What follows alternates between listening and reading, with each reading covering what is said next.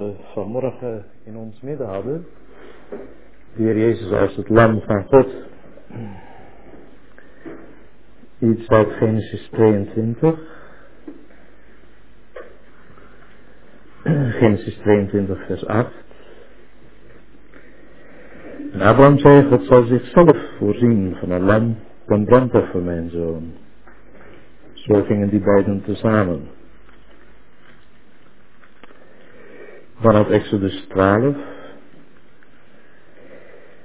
Daar vinden we de instelling van het paaspaal, Exodus 12. Vers 3 spreekt tot de gehele vergadering van Israël als volgt. Op de tiende van deze maand zal ieder voor zich een stuk kleinvee nemen. Families gewijs een stuk kleinvee per gezin. Dan verderop in het boek Exodus. Iets uit Exodus 29. Exodus 29 vers 38. Dan lezen we over het dagelijks morgen- en avondoffer. Dit is wat gij op het altaar zult bereiden. Twee eenjarige lammeren, geregeld, elke dag. Het ene lam zult de morgen bereiden en het andere lam zult de avondschemering bereiden. Tevens een tiende fijn meel, aangemaakt met een vierde hin gestoten olie. En een plengoffer van een vierde hin wijn voor het ene lam. Het andere lam zult de avondschemering bereiden, zoals het morgen spijsoffer en het daarbij behorende plengoffer zult gij bereiden. Tot een lieflijke reuk, een vuuroffer voor de Heere. Een dagelijks brandoffer voor uw geslachten. Bij de ingang van de tent der samenkomst, voor het aangezicht des Heeren, waar ik met u zal samenkomen. Om daar tot u te spreken. Ik zal dan daar samenkomen met de Israëlieten en zij zullen door mijn heerlijkheid geheiligd worden. Zal de tent der samenkomst en het altaar heiligen. En Aaron en zijn zonen zal ik heiligen, om voor mij het priesterambt te bekleden. Ik zal in het midden van de Israëlieten wonen en ik zal hun tot een God zijn. En zij zullen weten dat ik, de Heere, hun God ben. Die hen uit het land Egypte geleid heb.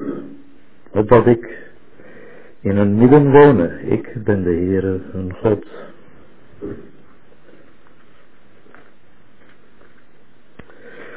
En dan nog iets uit Johannes 1. Johannes 1 vers 29. Waar Johannes de Doper zegt, of waar over Johannes de Doper gezegd wordt door de evangelist. De volgende dag zag hij, dat is Johannes, Jezus naar zich toe komen en zei, zie het lam van God dat de zonde van de wereld wegneemt. Deze is het van wie ik zei, na mij komt een man die mij voor is. Of die de voorrang boven mij heeft, want hij was eerder dan ik. Tot zover.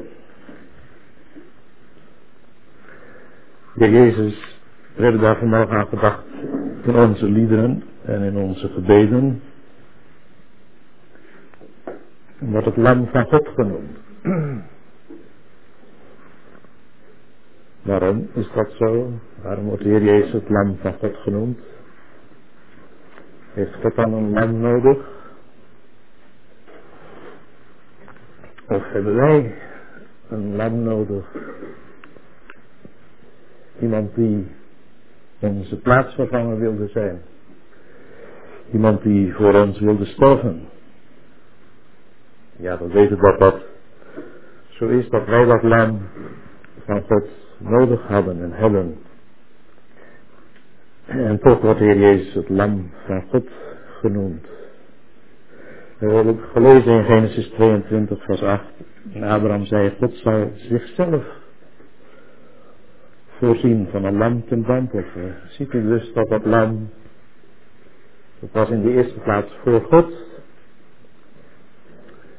De Heer Jezus is in de eerste plaats gestorven om zijn God en Vader te verheerlijken, om hem groot te maken.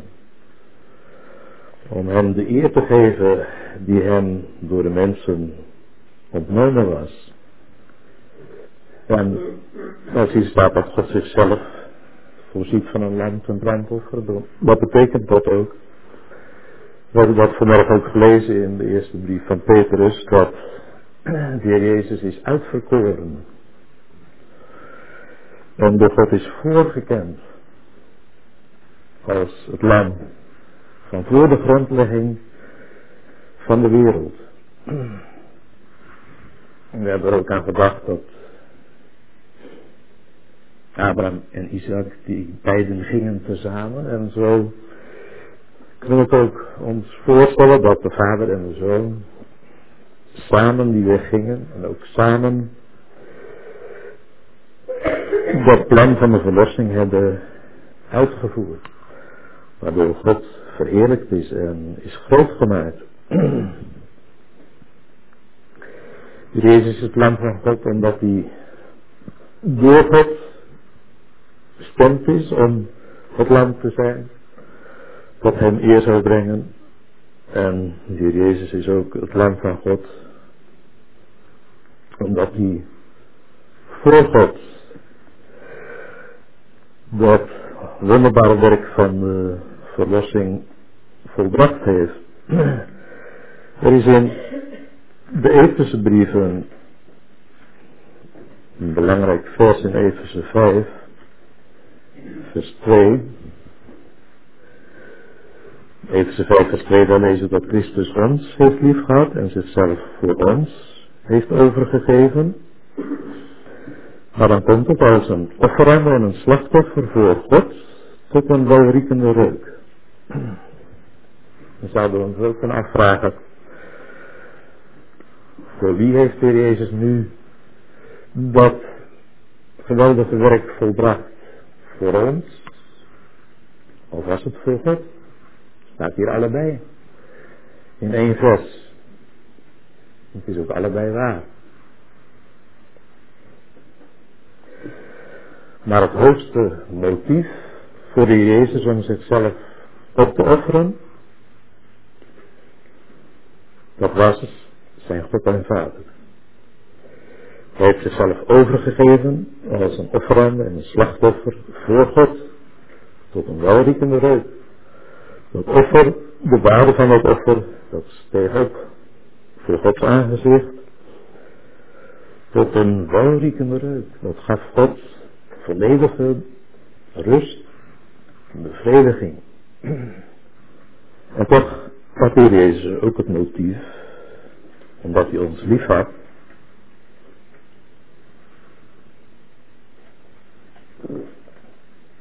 om zichzelf voor ons over te geven. Hij heeft ons lief gehad. En zichzelf voor ons overgegeven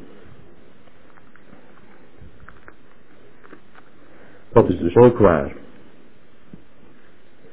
We zijn dankbaar dat het zo is.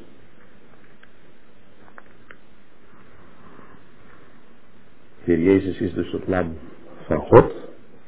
Maar wij mogen door genade deel hebben aan zijn werk. en in die verschillende schriftgedeelten die we gelezen hebben, zien we hoe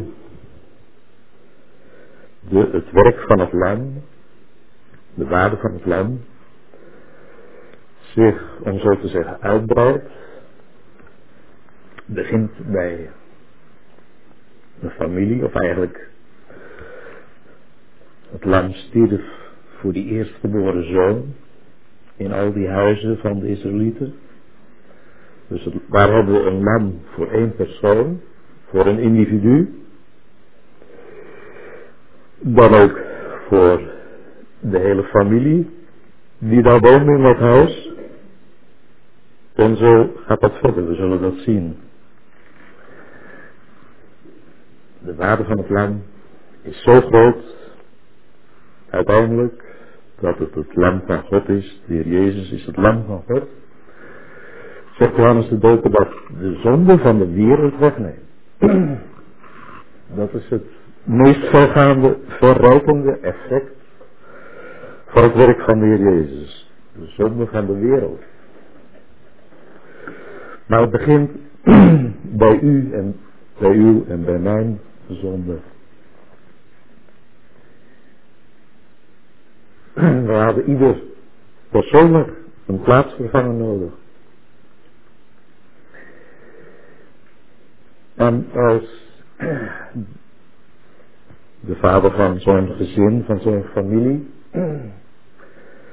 dat lang niet had uitgezocht en niet had geslacht en het bloed niet had gestreken aan de beide deurposten en de bovendorpel van die huizen. En als het niet gebeurd zou zijn, dan zou zeker oudste zoon van dat gezin gestorven zijn. Zoals dat gebeurde in de huizen van de Egyptenaren.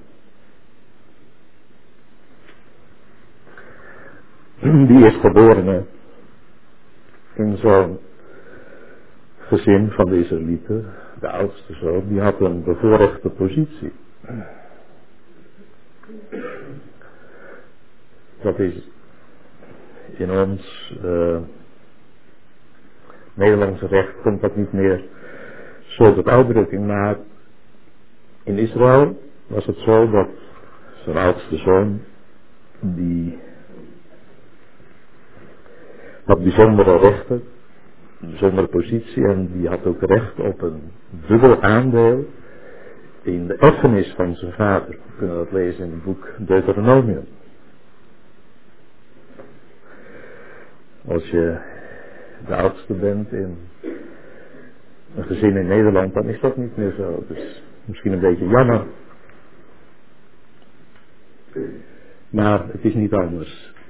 Maar in Israël was dat dus wel zo. En die eerstgeborene vertegenwoordigde min of meer dat hele gezin. Eigenlijk was het zo, we weten dat natuurlijk als gelovigen, dat we, we zijn allemaal zondaren, we hebben allemaal de dood verdiend. We liggen allemaal onder het oordeel. En als God zijn oordelen voltrekt, dan zijn we allemaal de dood schuldig, de dood waardig. We hebben de dood verdiend. Eigenlijk hadden al die mensen moeten sterven. Was God genade dat niet al die Egyptenaren in die nacht omkwamen, maar alleen de eerstgeborene. De eerstgeborene vertegenwoordigde de hele familie. Het lam stierf dus voor die eerstgeboren zoon, maar we kunnen ook zeggen het lam stierf voor dat hele gezin, voor die familie. Het lam moest ook familieverwijs uitgezocht worden. En gegeten worden, geslacht en gegeten. Zij moesten zich dat lam allemaal toe-eigenen als het ware. Daarvan eten, daarvan genieten. En zo konden ze vrijgesteld worden van het oordeel van God.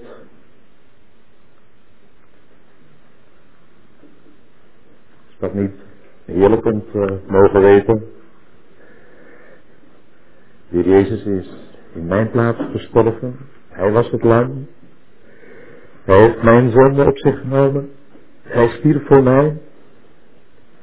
Om mij te, te vrijwaren van dat oordeel dat verschrikkelijke oordeel van de dood, hebben wij allemaal dat lam lief gekregen. Kennen we de Heer Jezus? We hem toe? En weten we dat hij in onze plaats voor onze zonde moest sterven? Genieten we ook van hem? Hij is in onze plaats veroordeeld. Daarvan spreekt dat feit dat het lam op het vuur gebraden moest worden. Met kop, schenkels en ingewanden. Hij ging voor mij naar Golgotha. Hij leed en stierf in het gericht, in het oordeel van God. En dat is wat onderscheid maakt tussen gelovigen en deze wereld. Het feit dat we de Jezus kennen als het lam van God. Dat we Hem toebehoren. Dat beveiligt ons voor het oordeel. Maar het beveiligt ons niet alleen voor het oordeel van God. Brengt ook een scheiding teweeg tussen ons en deze wereld. Zoals we dat zien in deze geschiedenis van de uittocht. Het eten van het paaslam. Dat was het begin van de uittocht. Het begin van die scheidslijn tussen het volk van God en de wereld. En het was Gods bedoeling om ons te trekken uit de tegenwoordige boze wereld. Tegenwoordige boze eeuw. En dat is gebeurd op grond van de waarde van de dood van de Heer Jezus, zijn sterven. Het kruis van Golgotha maakt scheiding tussen ons en deze wereld. Tot ons Aslan is geslacht. Schrijft apostel Paulus aan de Corinthiërs. Ook ons paaslam. is niet alleen persoonlijk. Het belangrijk. Maar het is ons paaslam. Het lam voor het hele volk van God. Laten wij een feest vieren. Hier in het meervoud. Persoonlijk, maar ook gemeenschappelijk. En zo werden de Israëlieten, nadat ze gegeten hadden van het paaslam en nadat ze dus gered waren, beveiligd voor het oordeel, voor het gericht, dat over Egypte kwam, werden ze een volk van pelgrims. Ze gingen op reis, op weg naar het beloofde land. En God wilde in hun midden wonen. En dan krijgen we de uitbreiding naar de waarde van het land voor het hele volk van God. In Exodus 29 hebben dat gelezen. Dat er elke dag twee lammeren moesten worden geofferd. S'morgens eentje, s'avonds eentje. Dus elke dag geboren. Het was een dagelijks brandoffer. En waarom? Dat was de basis, dat was het fundament waarop de Heere God in het midden van zijn volk kon wonen. En kon samenkomen met zijn volk. Tot hen kon spreken. Ik zal in het midden van de Israëlieten wonen. En ik zal hun tot zijn. Zij zullen weten dat ik de Heere hun God ben, die hen uit het land Egypte geleid heb. Opdat ik in hun midden wonen. Hier herhaalt. Het wonen in het midden van het volk van God, dat is gebaseerd op de waarde van het lam. En natuurlijk, we weten, de heer Jezus heeft zichzelf in de volheid van de tijd eenmaal geofferd. Zijn werk hoeft nu, hoeft nooit herhaald te worden. Het is eens voor altijd volbracht, zegt de Hebreeënbrief. Maar de waarde van het werk stijgt, om zo te zeggen, elke dag nog op tot God. De lieflijke reuk, de welriekende reuk, die stijgt nog steeds op tot God. Lieflijke offertoren stegen van het kruis omhoog. Het vuur dat het aanpak moest ook constant brandend blijven mocht nooit uitgaan. Steeds moest die offerveer omhoog stijgen tot God. Het dagelijks morgen- en avondoffer. Dat was dus de grondslag waarop God te midden van zijn volk kan wonen. We kunnen ook, natuurlijk ook denken aan de offers van de grote verzoendag. Die waren ook noodzakelijk om de relatie tussen God en het volk in stand te houden. Maar dat was maar één keer per jaar. Dit was elke dag.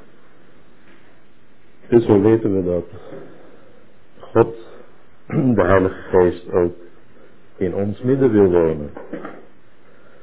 Dat God de Vader bij ons wil komen, in ons midden wil zijn.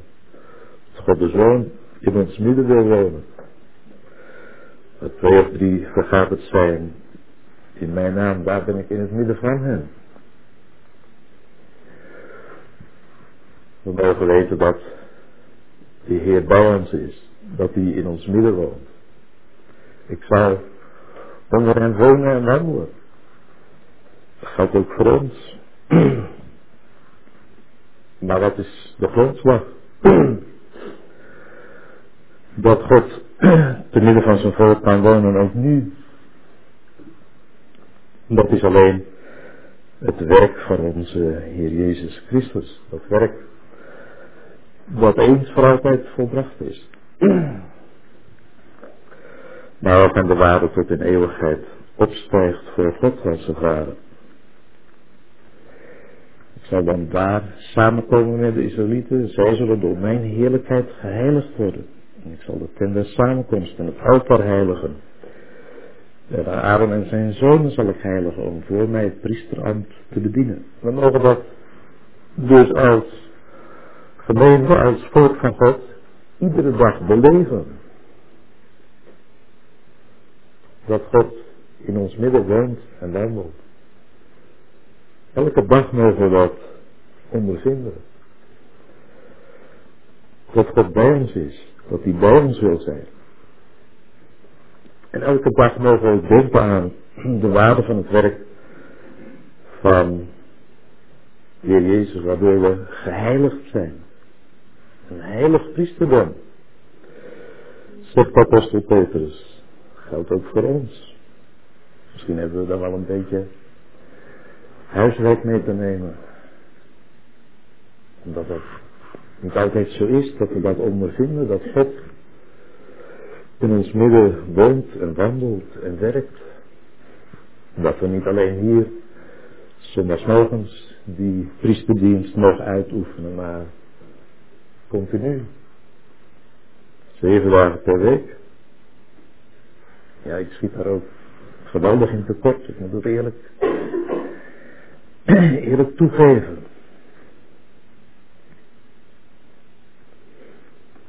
Aaron en zijn zonen zal ik heiligen om voor mij het priesterambt te bedienen. Een heilig volk.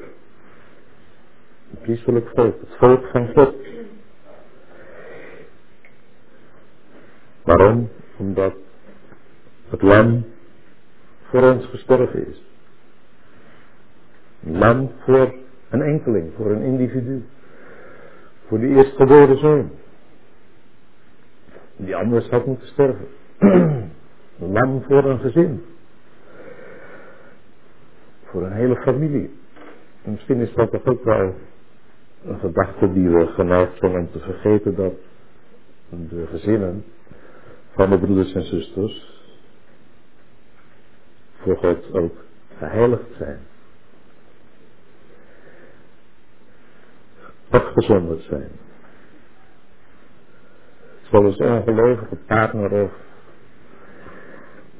kinderen zijn geheiligd in de gelovigen.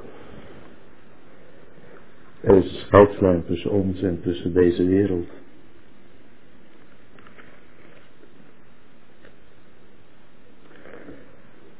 Maar dan komt het volgende, het vierde, lam van God.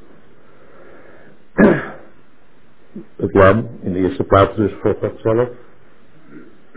Voor een enkeling.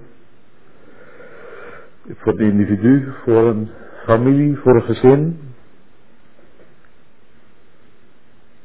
Voor het hele volk van God. Dat is dus eigenlijk nu het volgende.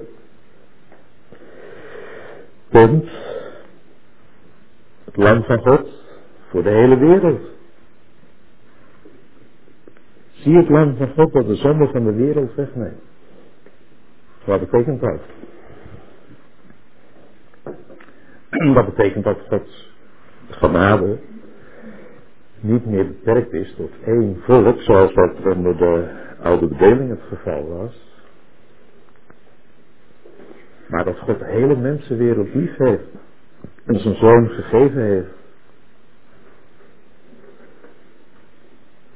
Voor de hele wereld.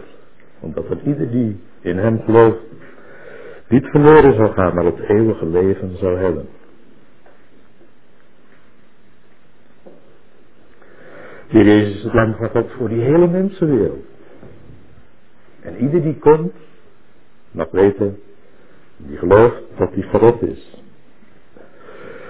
Dat zijn zonden of haar zonden zijn weggedaan.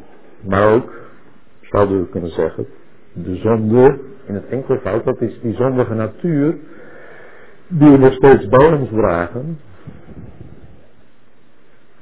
Die zondige natuur is op het kruis geoordeeld. Die is in principe weggedaan door de dood van de Heer Jezus.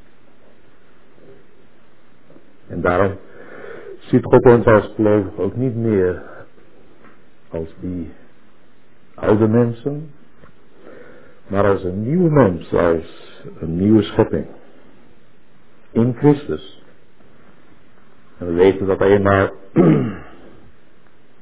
als de Heer komt, dan zullen we ook niets meer met de zonde van doen hebben. We zullen geen last meer van hebben. Van die oude natuur. Zal die volledig zijn weggenomen, zijn weggedaan. Maar het gaat ook nog verder, want de zonde van de wereld kunnen we denken aan de hele geschapen werkelijkheid, de hemel en aarde, de kosmos, die door de de val van de Satan en van de mens verontreinigd is, bezoedeld is. Zelfs de hemel is niet rein. In Gods ogen lezen we in het boekje op. Ook die zonde, ook die onreinheid, die zou worden weggedaan. Op grond van de waarde van het werk van de Heer Jezus. Hemel en aarde zullen wegvluchten en er zal een nieuwe hemel en een nieuwe aarde komen die volkomen rein is, die volkomen in overeenstemming met God is, waar God kan wonen. Wij verwachten naar zijn beloften.